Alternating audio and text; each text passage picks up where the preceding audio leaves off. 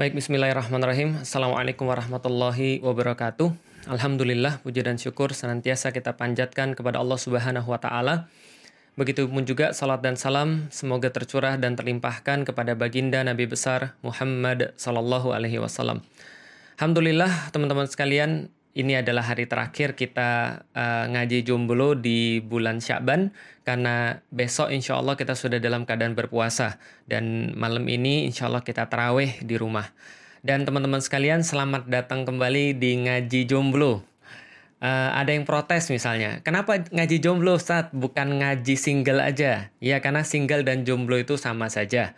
Uh, beda saat single itu adalah karena Allah. Kalau yang jomblo bukan karena Allah. Ya sudah, sakarap mula. Gitu kan. Itu untuk yang ngerti aja. Oke, kita nggak mau membahas tentang yang lain ya.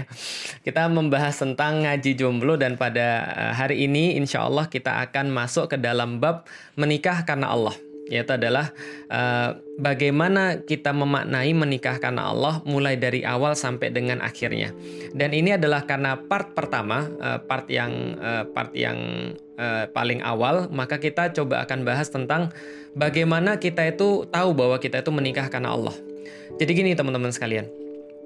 Allah itu kan penciptanya manusia. Karena Allah itu yang menciptakan manusia, maka sudah sewajarnya, sangat wajar sekali ketika Allah itu lebih kita cintai daripada apa pun. Karena kalau kita bicara tentang kecintaan kita, maka siapa sih yang paling berhak untuk mendapatkan kecintaan kita misalnya? Ya yang paling berhak adalah ibu kita pastinya. Kenapa? Karena ibu kita adalah orang yang paling menderita ketika melahirkan kita, ketika memunculkan kita di dalam dunia ini. Maka wajar kalau di dalam Islam pun ya ibu itu diakui sebagai orang yang paling harus dihormati. Maka Rasulullah Shallallahu Alaihi Wasallam itu pernah bersabda uh, ketika ditanya siapa yang paling saya harus saya hormati ya Rasulullah, ya ibumu. Lalu siapa lagi? Ibumu. Lalu siapa lagi? Ibumu. Lalu siapa lagi? Baru bapakmu.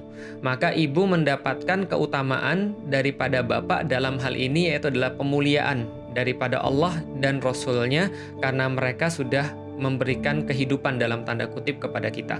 Jadi Allah itu memberikan kehidupan kepada kita melalui ibu kita. Allah memberikan kita nafkah, maaf, Allah memberikan kita rezeki melalui nafkah yang diberikan kepada bapak kita kepada kita. Nah, maka ini juga termasuk bagian daripada rasa syukur. Ketika kita bersyukur, maka kita mencintai bapak kita juga, sebagaimana kita mencintai ibu kita, karena dia juga sudah e, banting tulang, peras keringat, kerja keras untuk kemudian menghidupi kita. Maka wajar ketika ayah dan bunda, bapak ibu kita, mendapatkan rasa cinta lebih daripada yang lain, walaupun itu secara teoritis. Walaupun banyak sekali hal-hal yang mungkin nggak sesuai dengan teori pada kenyataannya. Tapi saya cuma mau jelasin kenyataannya. Coba bayangkan ibu kita itu, saya sudah cerita kemarin, kalau misalnya Anda mau tahu penderitaan seorang ibu, datang aja ketika mereka lagi mau melahirkan. Atau seorang perempuan mungkin baru tahu seperti apa ibunya, uh, seperti apa kecintanya seharusnya kepada ibunya, kalau seandainya dia sudah melahirkan. Atau seorang laki-laki, dia mungkin baru paham bagaimana uh, pengorbanan ibunya kalau sana dia sudah melihat istrinya melahirkan. Maka ini adalah satu tanda kenapa kita mencintai ibu kita.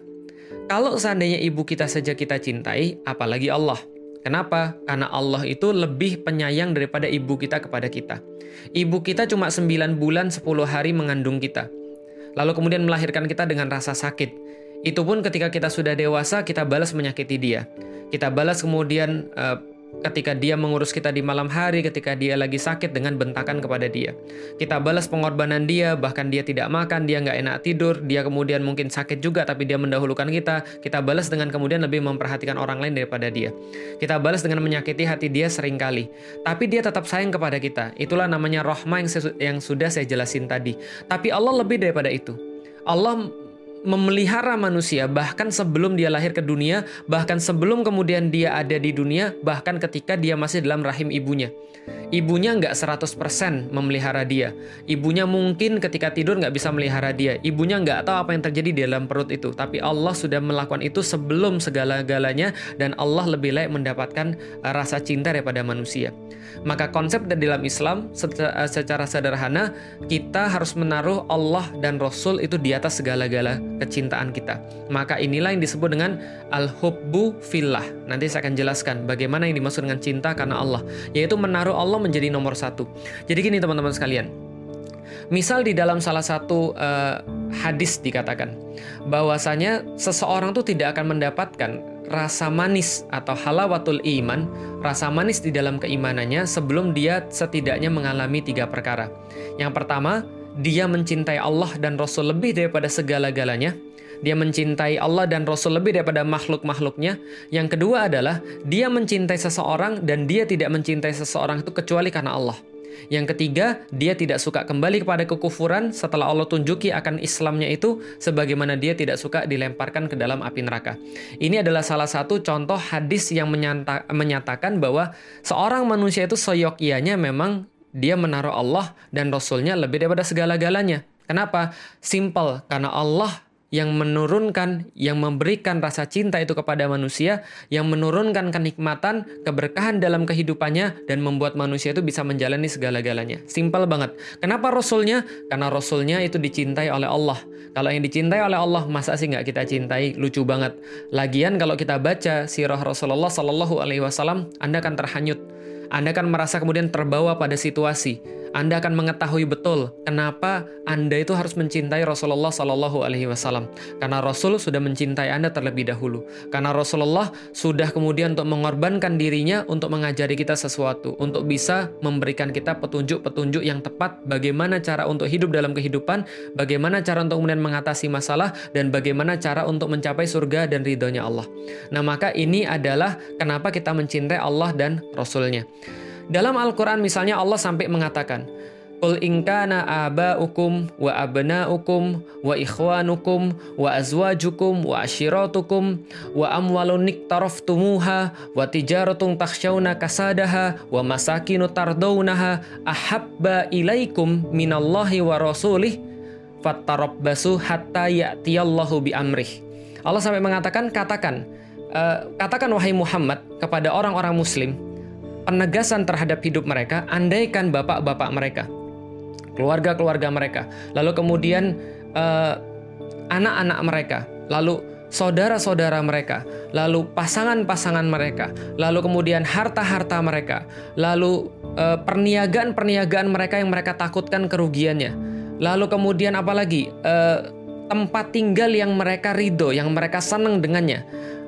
Semua itu Allah katakan lebih mereka sukai oh ketinggalan keluarga mereka 8 uh, eh, totalnya. Semuanya itu lebih mereka sukai lebih mereka cintai daripada Allah Rasulnya. Lalu kemudian untuk berjihad di jalannya maka katakan pada mereka fatarob basu maka tunggu baik-baik. Nantikan saja sebentar lagi fattarob basu hatta ya'ti Allahu bi amrih sampai Allah memutuskan keadaan mereka. Sampai Allah kemudian datang pada mereka lalu kemudian ya menjadikan semua itu penyesalan. Maka kemudian ini adalah satu satu dalil bagi kita bahwa Allah harus ditaruh menjadi posisi paling pertama. Allah menjadi paling pertama, Rasul yang kedua, lalu kemudian berjihad di jalannya termasuk di dalamnya, lalu kemudian baru orang tua, baru kemudian yang lainnya. Ini prioritas di dalam Islam. Secara kemudian teori dan secara logika saya juga sudah menyampaikan kenapa sih kita itu mencintai orang tua lebih daripada yang lain dan kita mencintai Allah lebih daripada orang tua. Kenapa? Karena orang tua aja kita sudah utamakan daripada manusia-manusia yang lain, apalagi yang menciptakan orang tua kita. Yang kelak nanti akan mengambil orang tua kita. Yang kelak nanti nasib orang tua kita tergantung dia, Allah Subhanahu wa taala. Maka kecintaan seorang muslim kepada Allah Subhanahu wa taala, kecintaan terhadap rasulnya, kecintaan terhadap agamanya, kecintaan terhadap ayat-ayatnya itu adalah menjadi modal yang sangat penting sekali dalam kehidupan sekaligus dalam teori uh, Islam, teori iman menjadi sesuatu penanda keimanan seseorang. Nah, jadi ini adalah yang disebut dengan menaruh Allah lebih daripada segala-galanya. Menaruh Allah dan Rasul lebih daripada segala-galanya yang menjadi ciptaannya. Ada logika yang lain lagi. Saya ngasih antum sesuatu taruhlah. Uh, saya ngasih antum misalnya satu giveaway misalnya. Dan ketika saya ngasih antum satu giveaway, ternyata giveaway-nya tuh lebih diperhatikan daripada saya. Kira-kira gimana perasaan saya? Kira-kira kira-kira gimana kemudian pandangan saya terhadap antum?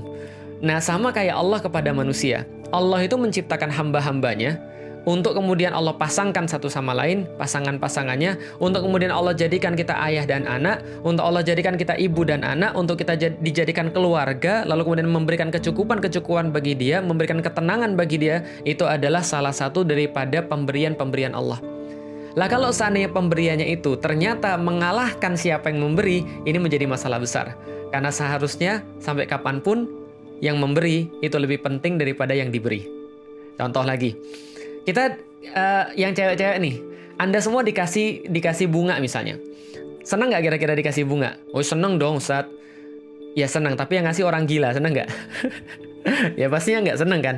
Nah, tapi kalau seandainya bunga tuh dikasih oleh seseorang spesial bagi Anda, suami Anda kah misalnya? Atau misalnya orang tua Anda kah?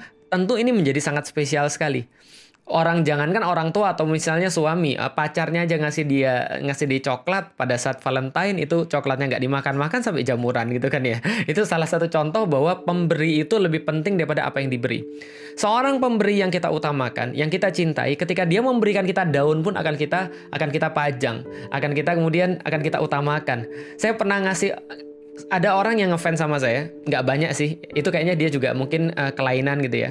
Lalu kemudian ketika datang saya ngasih dia 50 ribu. Antum pergi beli makan deh. Uh, kasihan banget antum datang sini belum makan. Dia bilang, Ustadz saya nggak mau beli makan, mau saya pajang. Saya bilang ngapain? Antum mau jadi saya berhala gitu kan? Ya.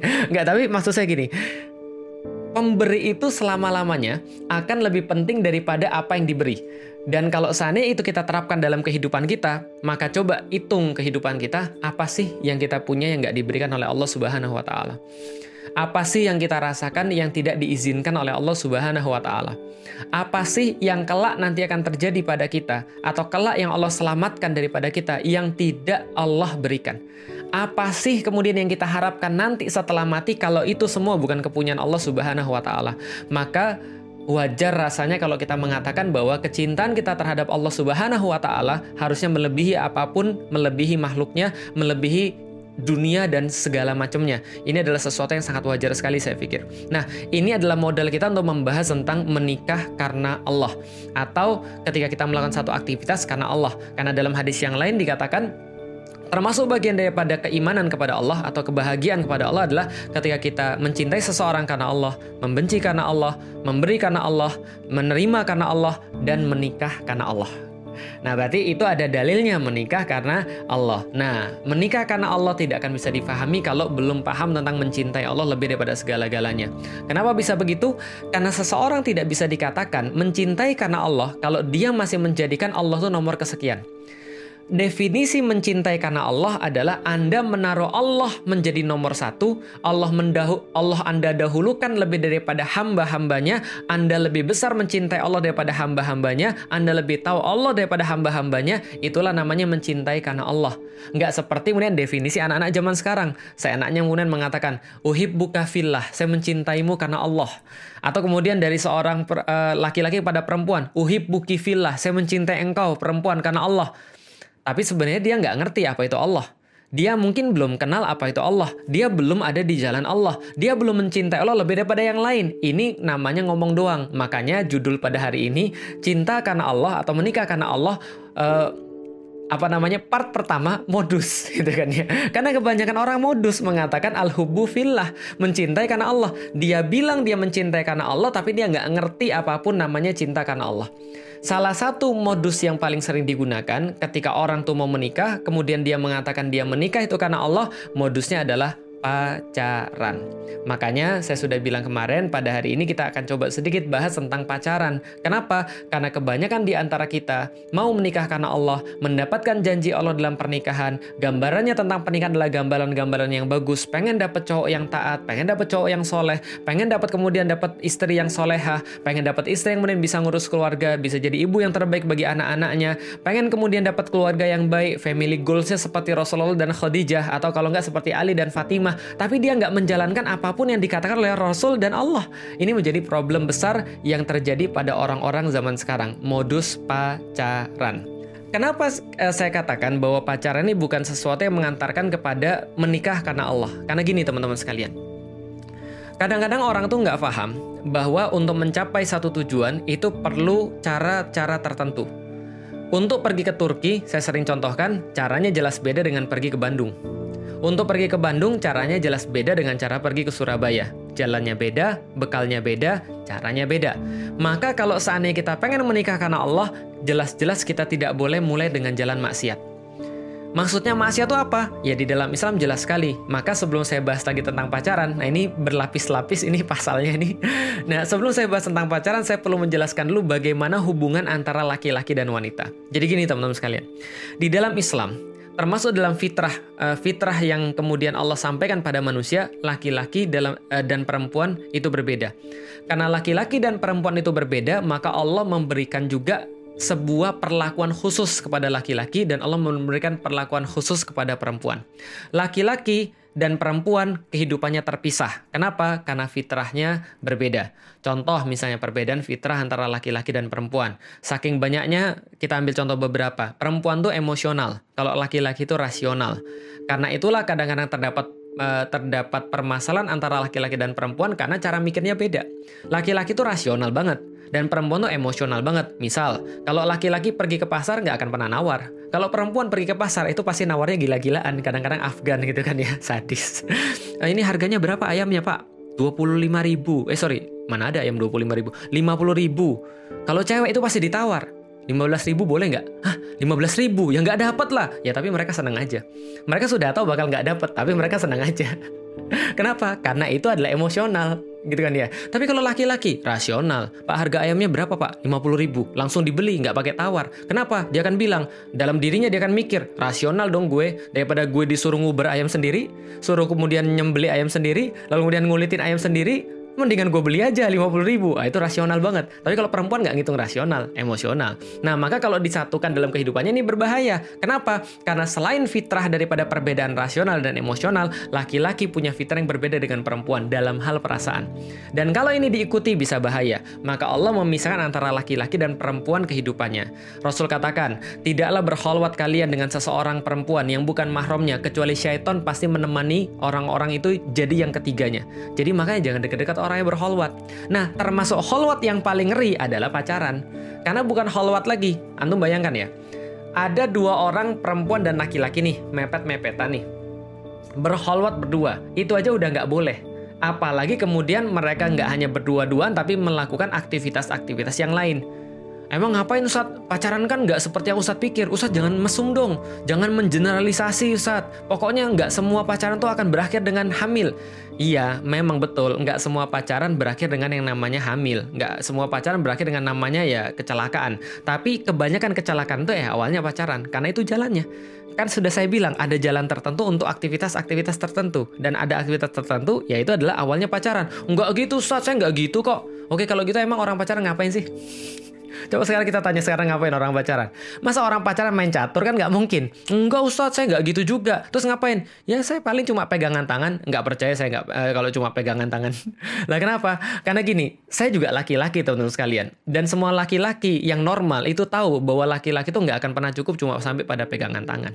Lah kalau laki-laki semuanya cukup pada pegangan tangan, nggak akan terjadi hal-hal yang tidak diinginkan. Ya udah saat saya ngaku saat pegangan tangan. Tapi kan cuma itu aja saat Nggak mungkin. Lah kenapa?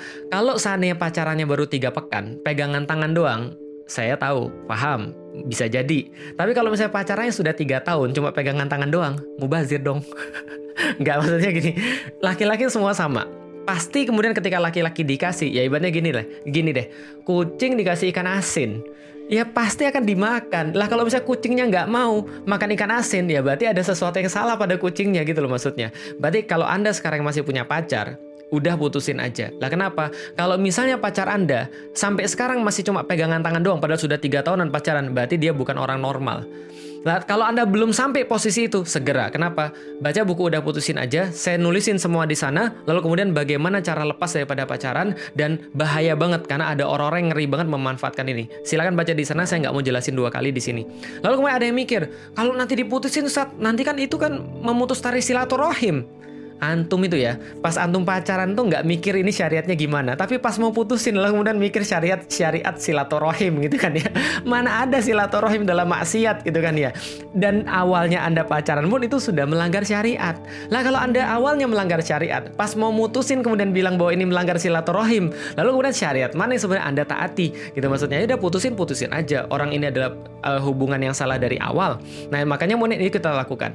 Lalu kalau gitu saat terus gimana kita nyari jodoh? Ini seperti beli kucing dalam karung dong. Oh enggak. Nah, makanya saya mau jelaskan bahwa di awal-awal sudah saya sampaikan pacaran itu bukan cara yang tepat untuk mendapatkan orang yang kelak nanti akan menjadi pasangan kita untuk menuju pada pernikahan yang kita bayangkan yang kita sudah bahas dalam 6 episode yang sudah lalu. Nah, kalau gitu gimana? Menikah karena Allah, kita perlu orang yang taat pada Allah. Kenapa? Karena yang namanya menikah karena Allah, cinta karena Allah, artinya menaruh Allah lebih daripada yang lain. Mencintai Allah lebih daripada yang lain, lebih dulu, lebih banyak, lebih besar, lebih kemudian tahu dan lebih segala-galanya. Baru dia bisa mengatakan, "Saya mencintai engkau karena Allah." Bukan sebaliknya, saya mencintai Allah karena engkau. Kenapa? Karena dia maunya sama orang itu terus. Kalau nggak sama orang itu, saya nggak mau. Dan kalau saya dekat sama dia, saya jadi dekat sama Allah. Kalau saya dekat sama dia, saya jadi rajin sholat. Kalau saya dekat sama dia, saya jadi agamis. Itu mencintai Allah karena dia. Kebalik, Pak. gitu kan ya. Yang Allah perintahkan itu adalah mencintai mereka karena Allah. Artinya kalau mereka taat, Anda cinta. Kalau mereka maksiat, Anda nggak suka. Lah sekarang yang terjadi bukan begitu. Nah artinya adalah mencintai karena Allah, Allahnya sudah firm dulu di tempatnya, Allahnya sudah benar dulu di tempatnya. Setelah Allah benar di tempatnya, maka kita tanya Allah, ya Allah kira-kira kayak gimana ya yang kamu suka ya Allah? Karena aku nggak akan mau suka kecuali yang kamu suka. Kalau kita sudah mencintai karena Allah, kita akan mau turut dengan aturan-aturan Allah. Kita akan diarahkan oleh Allah. Dan kalau kita sudah mencintai Allah lebih daripada segala-galanya, maka Allah akan tunjukkan kepada kita hamba-hamba hambanya dia yang dia cintai juga untuk mencintai kita insya Allah. Itu rumusnya. Jadi cinta karena Allah itu adalah menaruh Allah lebih daripada segala-galanya. Ketika kita sudah menaruh Allah lebih daripada segala-galanya, maka dari situ kita akan diarahkan. Oh, berarti kita akan suka sama yang taat. Oh, kita nyarinya yang taat. Itu duluan yang diutamakan daripada yang segala-galanya. Nanti muncul pertanyaan, nyari yang taatnya gimana? Oh, sabar. Nanti itu di episode berikutnya gitu kan ya. Sekarang saya cuma mau bahas tentang mencintai karena Allah dan menikah karena Allah. Maksudnya adalah kita tidak justru justru melakukan perkara-perkara yang dilarang oleh Allah.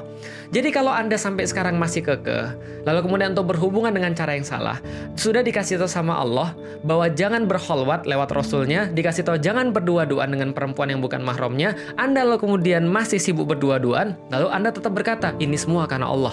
Allah yang mana? Allah yang nyuruh uh, Allah yang nyuruh yang mana gitu maksudnya. Artinya ini harus jelas dulu. Berarti kalau Anda tetap nekat melakukan itu ya berarti lupakan gambaran-gambaran yang sudah kita bahas kemarin. Lupakan kemudian family goal seperti Khadijah dan uh, Khadijah dan Rasulullah. Lupakan family goal seperti Ali dan Fatimah. Kenapa? Karena kita sudah salah dari awal. Karena kita menjalani uh, jalan yang berbeda. Karena kita lagi lewat jalur yang yang tidak sama gitu loh maksudnya. Jadi menikah karena Allah berarti Anda mulai untuk melihat apa hal-hal yang syar'i. Kalau gitu Ustaz, kalau chat-chatan boleh nggak? Kayak kemarin ada yang nanya. Kalau ngechat, atau kemudian nge-DM atau kemudian private kepada seseorang di zaman sekarang, Anda punya keperluan, nggak ada masalah. Uh, mohon maaf mbak saya mau endorse nih ya nggak ada masalah. Mohon maaf mbak saya mau beli barang nggak ada masalah. Yang nggak boleh modus. Modusnya tuh misalnya apa? Ya modusnya adalah Anda tidak ada keperluan, tapi Anda kemudian DM-DM-an, lalu kemudian masuk dalam pembicaraan-pembicaraan yang bersifat private. Karena ingat, yang dimaksud kholwat, teman-teman sekalian, definisinya adalah berdua-duaan di satu ruang, Ruangnya ini bisa ruang nyata, bisa jadi ruang maya, berdua-duaan di satu ruang, di mana ketika ada orang lain mau masuk ke dalam forum mereka, maka orang tuh merasa tidak nyaman dan harus minta izin. Oke, ingat ya. Jadi berdua-duaan yang dimaksud dengan khalwat yang dilarang adalah ketika Anda berdua-duaan dengan yang bukan mahram, lalu kemudian di situ ketika ada orang mau masuk kepada forum Anda, dia merasa tidak enak dan dia harus minta izin. Itu namanya khalwat. Contoh, lihat ya, kasus ekstrim ya. Pernah nggak Anda naik angkot, lalu kemudian Anda mendapati ada satu pasangan muda-mudi, di ujung, eh, di paling ujung biasanya, mereka berdua-duaan, mereka yang pacaran, antum yang malu. Anda pernah nggak merasa begitu? Itu kholwat namanya. Walaupun dalam keramaian. Ya, itu kholwat namanya. Pernah nggak Anda Iya saya yakin antum pernah ya atau minimal tahu orang-orang yang modus-modus gini WhatsApp WhatsAppan terbuai dalam WhatsApp WhatsAppan itu atau atau telepon-teleponan atau kemudian voice call atau video call atau apalah zaman sekarang pokoknya Anda berada dalam satu ruang mau itu adalah ruang nyata mau itu ruang maya lalu kemudian Anda merasa di situ terbuai dengan dia. Sehingga orang lain tuh kalau mau masuk forum Anda tuh merasa ya nggak enak dan harus minta izin. Itu namanya holwat dan dia tidak melakukan itu juga. Pacaran, kholwat, sama, itu semua tidak diridhoi Allah. Lalu bagaimana pertanyaan saya kalau itu saya mau saya mau agar pernikahan saya diridhoi Allah. Doakan saya saat semoga pernikahan per, uh, semoga pernikahan saya barokah. Barokah itu kan Allah yang ngasih. Barokah itu kan adalah ziyadatul khair. Allah yang ngasih. Bagaimana kemudian Allah bisa ngasih keberkahan kalau seandainya antum sudah menjalani dari awal yang sudah Allah nggak suka? Seperti ada orang yang kemudian datang pada saya tapi dia sudah bawa hal-hal yang saya nggak suka. Ini kan menjadi suatu permasalahan. Nah, karena itulah mencintai karena Allah dan menikah karena Allah adalah antum menaruh Allah di atas segala-galanya. Antum menjadikan Allah sebagai dasar daripada apa pun yang nanti antum akan bangun di atasnya. Maka part pertama namanya modus. Jadi jauhi modus-modus itu sudah termasuk menikah karena Allah. Jadi mulai dari kemarin saya sudah bilang hijrah, mengkaji Islam, ikut kajian tersistematis, lalu kemudian cari guru yang baik, pelajari Islam secara komprehensif. Berikutnya adalah jauhi cara-cara yang buruk dalam kemudian mencari jodoh, termasuk pacaran. Yang sudah ada sekarang putusin sekarang juga. Serius. Nanti kemudian gimana kita udah mau nikah? Putusin aja dulu, nanti baru ngobrol lagi. Kenapa? Karena itu sudah maksiat dan kita nggak bisa memulai sesuatu dari maksiat teman-teman sekalian. Kalau kita mau buat kopi yang enak, kita pastikan dulu cangkirnya harus bersih. Gimana kita bisa buat kopi tapi cangkirnya sudah sudah nggak bersih? Sudah kemudian Bismillah. Kalau memang kita sudah tahu bahwa sesuatu yang Allah ridhoi nggak akan kita mulai dengan sesuatu yang maksiat, taat pasti bahagia, maksiat pasti sengsara. Itu adalah tagline-nya yuk ngaji. Maka bagaimana caranya kita bisa mencampur adukkan ridho Allah dengan sesuatu yang kita mulai dengan cara yang salah? putusin dulu, belajar dulu masing-masing. Kalau memang jodoh, kalau memang uh, nanti ada yang nanya lagi jodoh tuh kayak apa? Nanti kita bahas. Nanti masih banyak pembahasan-pembahasan ke depan. Ya asal jangan bosan aja. Besok kita Ramadan lanjut lagi nggak? Insya Allah kita masih lanjut kalau Allah masih mengizinkan dan kalau saya masih sehat. Doain mudah-mudahan saya sehat terus. Oke teman-teman sekalian, ini kira yang perlu saya sampaikan. Uh, summary silahkan saya lihat banyak sekali teman-teman yang sudah kreatif untuk membuat catatan-catatan ketika kita melakukan ngaji jomblo ini. Uh, saya senang banget ketika ada orang yang appreciate dengan buat catatan lalu kemudian buat karya-karya tentang ini semuanya. Dan mudah-mudahan itu menjadi sebuah bantuan bagi orang-orang yang lain yang lagi mau untuk mencari cinta karena Allah mencari menikah karena Allah. Teman-teman sekalian menikah itu cuma fase ujung daripada mencintai Allah Ingat baik-baik, kalau kita sudah mencintai Allah, lebih daripada segala-galanya di atas dunia ini, lebih daripada hamba-hambanya. Kalau kita sudah mencintai Allah lebih daripada segala-galanya, Allah akan pilihkan hamba-hambanya yang terbaik untuk mencintai kita dengan cara yang paling baik, di waktu yang paling tepat, dengan kemudian bentuk yang paling kita tidak bisa bayangkan. Walau alam bisawab teman-teman sekalian, ini yang bisa kita sampaikan. Kalau ada yang salah saya mohon maaf, ada yang baik hanya berasal daripada Allah Subhanahu wa taala. Mohon maaf hari ini nggak ada tanya jawab karena kita sudah dekat ke, uh, ke zuhur dan kita harus kemudian mempersiapkan untuk sholat zuhur. Teman-teman sekalian, insya Allah mudah-mudahan saya doakan teman-teman senantiasa uh, diberkahi oleh Allah, masuk di bulan Ramadan, lalu keluar dalam keadaan keimanan dan bersyukur pada Allah Subhanahu wa taala. Dalam kondisi begini tidak menghalangi kita untuk taat pada Allah. Dan kalau teman-teman mau uh, teman-teman mau satu bahasan tentang bagaimana kemudian kita Ramadan di tahun ini di di masa pandemi atau di masa wabah corona ini, teman-teman bisa buka di Instagram saya di IGTV saya. Ada kemudian uh, Ramadan di tengah corona. Saya nggak upload ke YouTube karena bentuknya uh, vertikal. Teman-teman silakan nonton aja di sana. Di situ ada saya berikan satu insight menarik kenapa Allah berikan kita kondisi seperti ini dan menjelang Ramadan dan bagaimana menikmati Ramadan dalam kondisi-kondisi seperti ini. Oke, teman-teman sekalian, kita eh, ketemu lagi di waktu yang lain. Mudah-mudahan Allah merahmati. Assalamualaikum warahmatullahi wabarakatuh.